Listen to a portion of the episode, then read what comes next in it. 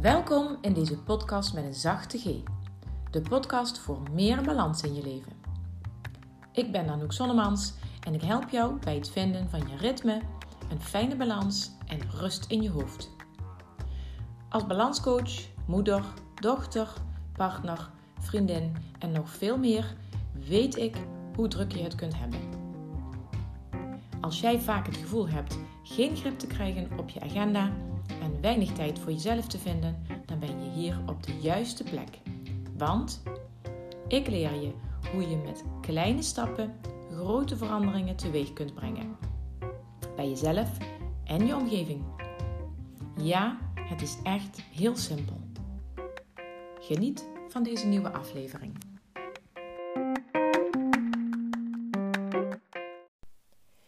Aflevering 81 alweer van deze podcast in balans.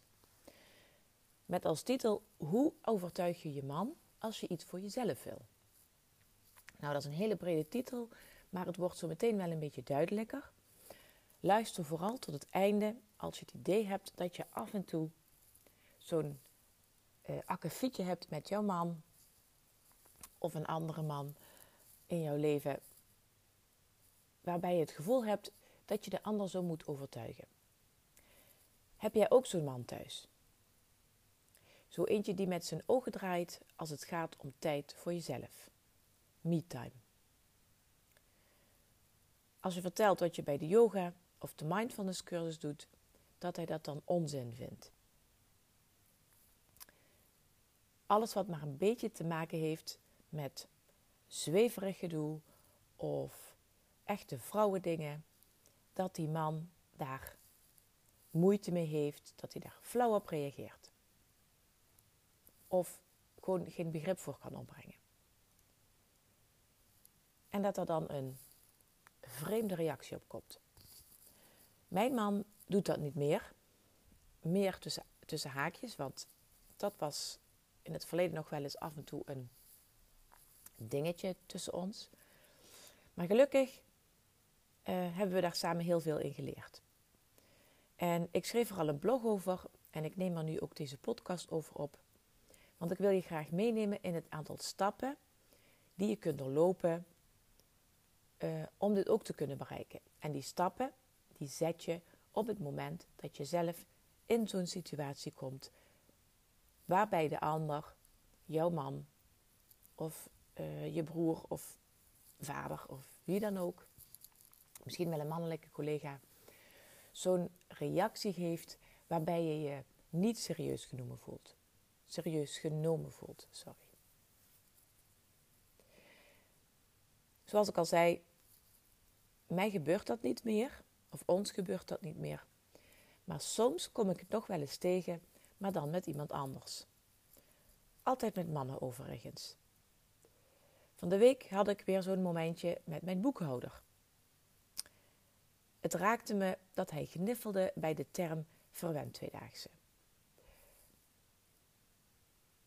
Ik was met hem aan het praten over uh, de komende periode en dat ik dus volgende week de verwend tweedaagse organiseer. En hij, trok, hij keek een beetje weg en hij, uh, ja, eigenlijk achteraf, nu ik erover terugdenk, was het een beetje een kinderachtige reactie. Maar hij gniffelde dus inderdaad een beetje. En nou hij draaide met zijn ogen. En ik vroeg erna, omdat ik merkte dat ik mij er ongemakkelijk over voelde, besloot ik ernaar te vragen. En ik vroeg letterlijk, ja, waarom lach je? Wat uh, vind je hier iets van? Dat vroeg ik aan hem. Uh, even een beeld schetsen. Hij is uh, zo'n beetje van de generatie van mijn vader. Ik weet niet precies hoe oud hij is.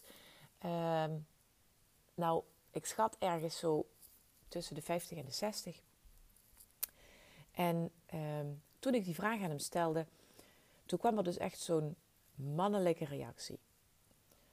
Uh, eventjes, mijn excuses alvast als jij je aangesproken voelt als je man bent en dit luistert. En jij denkt, ik zou dat nooit zo doen. Trek je niets aan van mijn generalisering. Jij bent gelukkig anders dan anderen. Maar hij, uh, hij reageerde dus met in eerste instantie, ja, verwend tweedaagse. Nou, hij had daar meteen wel een beeld bij. eh, zijn eigen beeld bij uh, verwennen. Hij vroeg ook van, nou, waar worden ze dan allemaal mee verwend? Dus ik ging uitleggen hoe zo'n verwend tweedaagse dan is. Dat dat bedoeld is voor vrouwen die, ehm, in dit geval zijn het moeders die meegaan. Moeders die niet alleen moeder zijn, maar ook het huishouden voor een groot deel dragen. De zorg voor de kinderen het grootste deel van de week. Maar daarnaast ook nog een parttime baan hebben of een bedrijf runnen. Of misschien zelfs een eigen bedrijf hebben en ook nog in het bedrijf van haar, hun man meedraaien. En vaak zijn er, of, of er zijn andere dingen, een stuk mantelzorg of extra zorg voor de kinderen, omdat ze geen, um, nou ja, omdat, omdat ze niet als vanzelfsprekend gewoon naar school gaan en zo, maar dat er andere zorgen bij komen. Nou, en uit het gesprek wat volgde bleek al snel dat er nog wel al wat lading zat op tijd nemen voor jezelf. En dat hij dus helemaal geen idee had van de waarde van mijn werk als balanscoach. Want daar ging het gesprek ook verder over. Uh, want hij werkt namelijk voornamelijk met heel andere uh, soorten bedrijven, meer richting de, richting de agrarische sector. Dus daar komt dat hele stuk mindfulness, uh, kiezen voor jezelf, tijd maken voor jezelf, dat komt daar helemaal niet in voor. Hij komt zelf ook uit een generatie van hard werken en niet klagen en een uh, werkweek van minstens 40 uur. Um, en, uh, maar gewoon door, doorgaan totdat je erbij neervalt. Even heel zwart-wit gezegd. Uiteindelijk gaf hij zelfs toe dat het soms best een uitdaging is voor hem ook om balans te vinden in deze maatschappij. Juist door de combinatie van die opvoeding die hij heeft genoten en de huidige standaard. En hij ziet het ook bij mensen om zich heen. Dus hij herkende het wel. Nou, nu even terug naar jou. Wie is die man bij jou thuis? Diegene die niet open staat of niet echt open staat voor goed voor jezelf zorgen. Een man die jouw gevoeligheden, behoeften, wensen, maar moeilijk lijkt te kunnen begrijpen. Eigenlijk iemand die het allemaal maar gezeik of zweverig vindt. Nou, dat kan dus je partner zijn, maar het kan ook je vader of je broer, misschien wel een zoon, ligt eraan hoe oud je kinderen zijn, of een vriend, een collega, een leidinggevende. In ieder geval iemand die voor jou belangrijk is, iemand die een hele duidelijke mening heeft. En meestal is het ook iemand waar je veel respect voor hebt, waar je een bepaalde band of relatie mee hebt.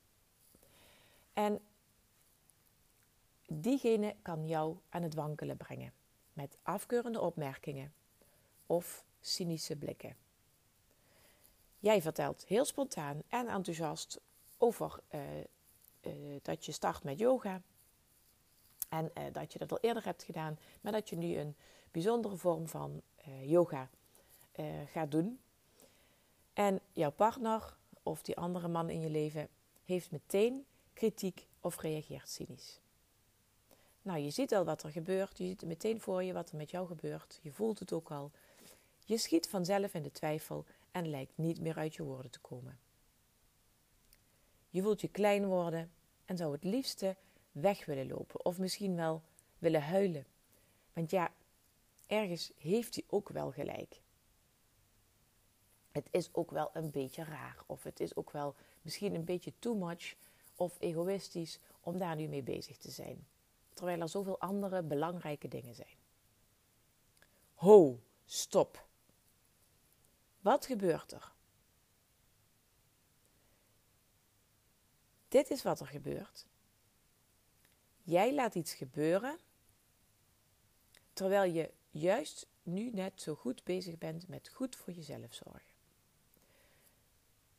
Je bent een pad ingeslagen waarbij je kiest voor dingen die voor jou belangrijk zijn binnen uh, de levensfase waarin je zit. Alle rollen die je hebt, alle taken die daarmee samenhangen. Waarbij je uh, in de afgelopen periode, misschien wel jaren, jezelf steeds voorbij bent gelopen, jezelf bent vergeten. Daarin heb je nu net stappen gezet om ervoor te zorgen dat je beter voor jezelf gaat zorgen. Hier hebben jullie beiden iets te leren. De ander zal zich niet bewust zijn van de reactie die hij geeft en zal helemaal niet in de gaten hebben wat het met jou doet. Helaas kun je de ander geen andere mening of verandering opdringen, want dat gaat niet werken. Je hebt wel invloed op hoe jij je erbij voelt en welke keuzes jij maakt. Even terug naar mijn boekhouder als voorbeeld. Toen hij een reactie gaf die mij onzeker maakte, toen maakte ik de volgende keuzes. Ten eerste was ik me meteen bewust van wat hij deed. Ik zag het en ik voelde dat. Ik voelde wat het met mij deed. En daar zit dan een groot verschil, meteen ook tussen het mannelijke en het vrouwelijke. Verstand versus gevoel. Bij hem was het vooral een, ja, een, een verstandelijke of een, een hoofdreactie, uh, onbegrip, er iets van vinden, er iets van denken. Uh, daar kwam natuurlijk ook wel een stukje gevoel bij, maar daar was hij niet mee bezig. En bij mij kwam het echt bij mijn gevoel binnen. Toen maakte ik de keuze, ik overweeg even wat ik ermee wilde en ik besloot door te vragen. Nou, en door die keuzes te maken kwam er een gesprek op gang waarin ik de kans kreeg om hem te begrijpen, om te begrijpen wat zijn non-verbale signalen betekenden. In dat gesprek legde ik ook uit wat de verwend tweedaagse inhoudt. Waarom die vragen vrouwen daar zo graag aan deelnemen. En hij kreeg daardoor dus van mij de ruimte om mij beter te begrijpen. Om begrip op te kunnen brengen voor wat ik belangrijk vind. Nou, en nu weer terug naar jou. Wanneer jij in een vergelijkbare situatie uh, terechtkomt, kun je een aantal stappen zetten. Als jij merkt dat je aan het wankelen wordt gebracht, weet dan dat je de keuze hebt hoe je hiermee om wil gaan. Nou, en dit zijn dus even op een rij nog een keer de stappen die jij kunt zetten. Neem pen en papier erbij of zet even je uh, notities aan in je telefoon en schrijf mee. Een volgende keer dat jij in een situatie komt waarbij de ander jou onzeker maakt over iets wat jij heel belangrijk vindt. En dan, ik heb nu een voorbeeld gegeven in het kader van goed voor jezelf zorgen. Maar dat kan ook in elke andere situatie waarbij een ander jou raakt en uit balans brengt. Het eerste wat je kunt doen, merk op welke signalen de ander geeft. Zie wat de ander doet, hoor wat de ander zegt. Het tweede, maak pas op de plaats en voel even wat het gedrag van de ander, de woorden van de ander, met jou doen. 3. Bepaal dan voor jezelf of je er nu iets mee wil. Nou, en als gevolg daarvan nummer 4. Wil je er niets mee? Kies dan een ander onderwerp in dat gesprek. Of verlaat de situatie, verlaat de ruimte. Kan wel belangrijk zijn om dat dan later nog even met iemand anders te bespreken. Of uh, op te schrijven ergens om het te relativeren, om stoom af te kunnen blazen. Vijfde stap, of eigenlijk de andere optie is: wil je er wel iets mee? Stel dan een vraag, zoals: wat bedoel je eigenlijk daarmee? Of je zegt dit of dit, of ik zie je dat of dat doen. Wat betekent dat? Nou, en de zesde stap is dan: voer het gesprek erover, zonder oordeel over de ander en zonder jou te gaan verantwoorden, zonder te gaan uitleggen. Um, vanuit een uh, ja, underdog-positie eigenlijk. Benoem de feiten, benoem wat jij belangrijk vindt en vertel over jouw keuzes. En wat je zult gaan merken, is dat de ander hierdoor verrast wordt. Want je komt nu opeens wel heel anders uit de hoek. En uiteindelijk zal die ander ook nog zijn mening gaan bijstellen. En dat komt doordat jij er zelf anders mee omgaat. Jij staat je vrouwtje. En daar kan niemand meer omheen. Neem deze stappen mee in elke volgende situatie en ga ermee oefenen. Oefen het in eenvoudige situaties, niet meteen die collega waar je altijd mee in conflict komt, maar probeer het uit bij je partner of bij je vader of iemand die dicht genoeg bij je staat, waarbij je ook gewoon je kunt veroorloven om te oefenen en daarbij eh, nou ja, emotioneel te worden of foutjes te maken of wat dan ook.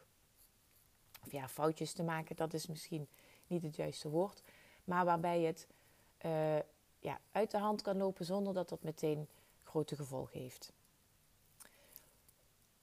Als je dit regelmatig gaat doen, dan zul je zien dat jouw relatie met die man ehm, op dat stuk echt gaat veranderen.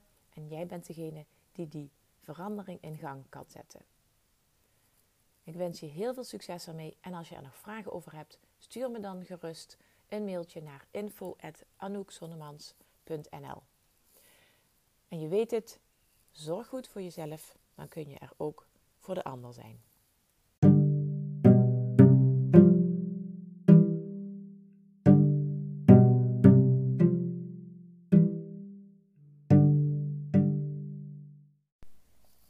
Even een side note. Je hoorde me net vertellen over de Verwen Tweedaagse.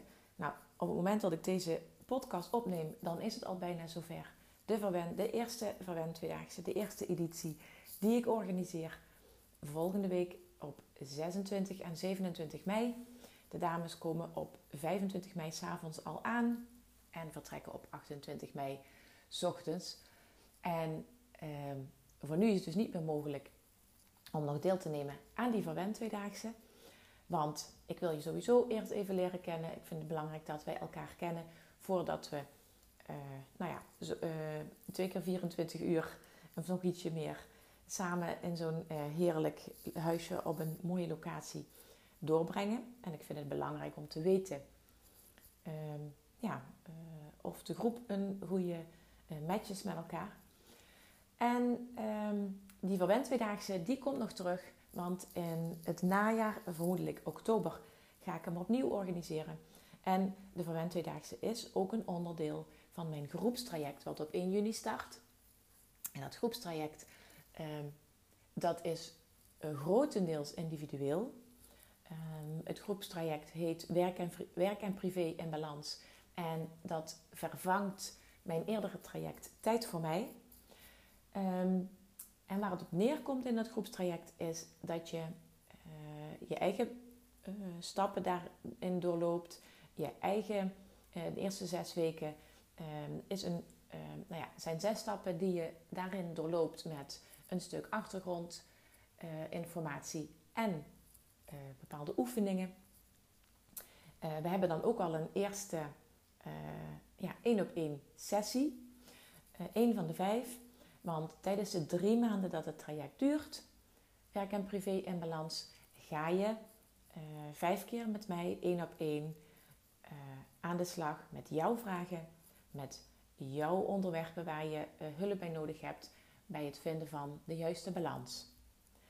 En ik noem het een groepstraject omdat er naast die individuele aandacht ehm, ook een aantal groepsmomenten zijn die online zijn Waarbij ik het uh, heel belangrijk vind om van elkaar te horen uh, waar je mee bezig bent. Om elkaar ook te kunnen stimuleren. En om te ervaren dat je niet de enige bent. En het groepstraject wat nu op dit moment afgerond wordt. Het vorige groepstraject wat liep. Um, dat was heel succesvol. Mede door de kracht van de groep. Mede doordat de vrouwen die daaraan meededen Ehm, nou ja, bij elkaar heel veel herkenden. En het is zo fijn dat ik niet de enige ben waar je dan informatie van kunt halen en ideeën van kunt krijgen. Want andere vrouwen hebben hun manieren van hoe ze hun ritme vinden. En daar leer je ook ontzettend veel van. Nou, en in dat uh, werk en privé in balans groepstraject, uh, all in noem ik het, daar zit dus ook de verwend tweedaags in. En dat is echt super voordelig als je die, voor die combinatie kiest. Uh, maar weet ook dat je ook um, voor de losse onderdelen kunt kiezen. Dus of alleen het groepstraject of alleen de verwend tweedaagse. Ehm, als je voor 1 juni ja zegt tegen een van die onderdelen of ehm, dat uh, all-in pakket kiest, dan betaal je nog de prijs die nu geldt. En dat zijn allemaal verschillende prijzen. Als je daar meer over wil weten, stel me gerust even een vraag via de mail. Want dan stuur ik je de informatie of we bellen even als je daarover even wil kletsen met mij wat het precies inhoudt. Um, ik heet je van harte welkom om in het groepstraject te stappen of naar de volgende Verwend Tweedaagse mee te gaan. Ben er snel bij als je daar interesse in hebt, want er zijn al een aantal mensen die al op de lijst staan. Zodra de datum bekend is, willen zij graag de eerste keus krijgen of ze meegaan. Dus laat iets van je horen als je erover nadenkt, ook al weet je het nog niet zeker, want dan neem ik je wel alvast mee in degene die als eerste de informatie krijgen. Bedankt voor het luisteren. Laat me ook even weten wat deze aflevering eh, voor jou heeft betekend of dat je erin herkent. En dan uh, kletsen we verder als jij dat wil. En uh, je mag me ook gewoon laten weten wat je ervan vindt. Hele fijne dag en tot de volgende keer.